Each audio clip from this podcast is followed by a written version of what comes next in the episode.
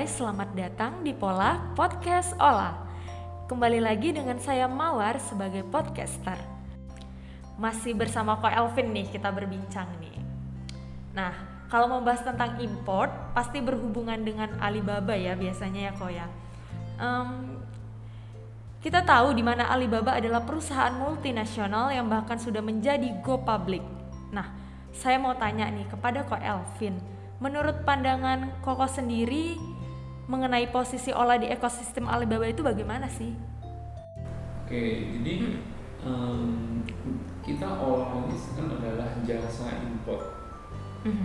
Nah, kita memposisikan diri sendiri di Alibaba itu sebagai istilahnya purchasing ya, gitu. sebagai purchasingnya pelaku bisnis di Indonesia karena kita tahu ada keterbatasan bahasa sistem kerja pembayaran dan pengetahuan seperti itu kita menghadirkan solusi buat pelaku bisnis di Indonesia yang ingin impor dari Alibaba itu lebih mudah seperti itu. Nah, mungkin nggak sih nih suatu hari nanti Alibaba bisa buka kantor resmi di Indonesia menurut Ko Elvin? Hmm, menurut saya sih mungkin mungkin aja Mhm. karena memang Alibaba sendiri sangat tertarik untuk masuk ke Indonesia dan begitu banyak juga eh, pelaku bisnis di Indonesia yang mungkin sedang menanti-nantikan Alibaba untuk masuk ke Indonesia. Ya. Terus eh, apakah Ola sendiri nih pengen nggak sih Alibaba buka kantor di Indonesia?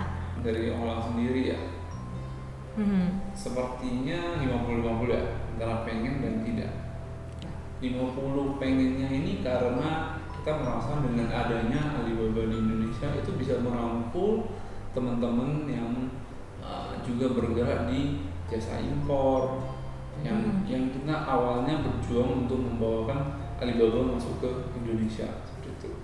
Nih 50-nya lagi tidak ini. Hmm. Itu mungkin kita berharap adanya eksklusivitas antara Alibaba dengan berbagai jasa impor gitu.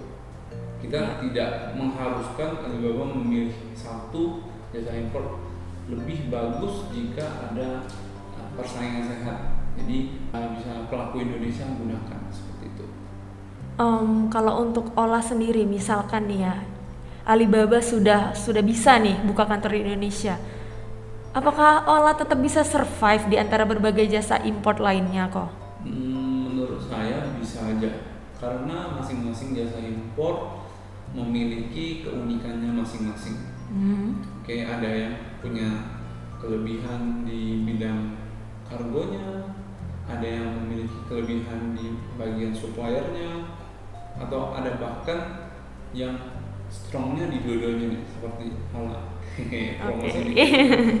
ya boleh boleh boleh. Jadi em, ada yang juga itu mengharuskan kliennya itu menggunakan membership, ada yang tidak.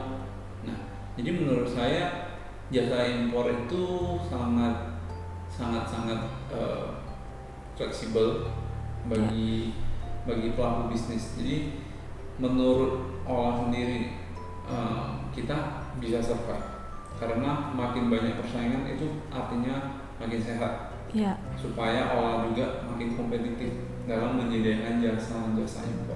makin inovatif juga ya. Betul, betul. Ya. Bagaimana tuh cara untuk tetap survive ketika ada Alibaba tuh di Indonesia? Hmm, kalau misalnya kita ngomongin udah ada Alibaba di Indonesia, Hmm. kita kita sebagai jasa impor tidak akan takut, tidak akan cemas. Kenapa? Karena eh, juga tidak mudah bagi Alibaba untuk masuk ke Indonesia. Ya. mungkin akan kita bilang bahwa Alibaba sendiri sekarang di Cina aja ada masalah masalah mengenai monopoli yang eh, sangat sensitif dengan pemerintahan mereka sendiri. Jadi menurut saya ada tiga alasan kenapa eh, ketika Alibaba sudah masuk ke Indonesia pun Ola masih bisa survive. Oke, alasan pertama adalah mengenai masalah politik Mhm.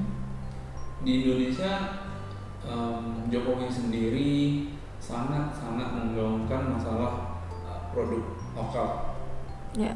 sangat em, mensupport produk lokal dan ingin meningkatkan uh, SDM di Indonesia, meningkatkan manufaktur produksi di Indonesia. Jadi kalau misalnya Alibaba diberikan kesempatan untuk masuk ke Indonesia, itu mungkin akan menjadi ancaman yang lumayan besar bagi produsen-produsen lokal. Maka dari itu saya menurut saya Alibaba akan lebih sulit untuk masuk ke Indonesia. Ya. Kedua, itu adalah masalah keterbatasan bahasa dan culture ya. Ya, ya. Jadi cara berbisnis orang Indonesia dengan cara berbisnis orang Cina itu sangatlah berbeda.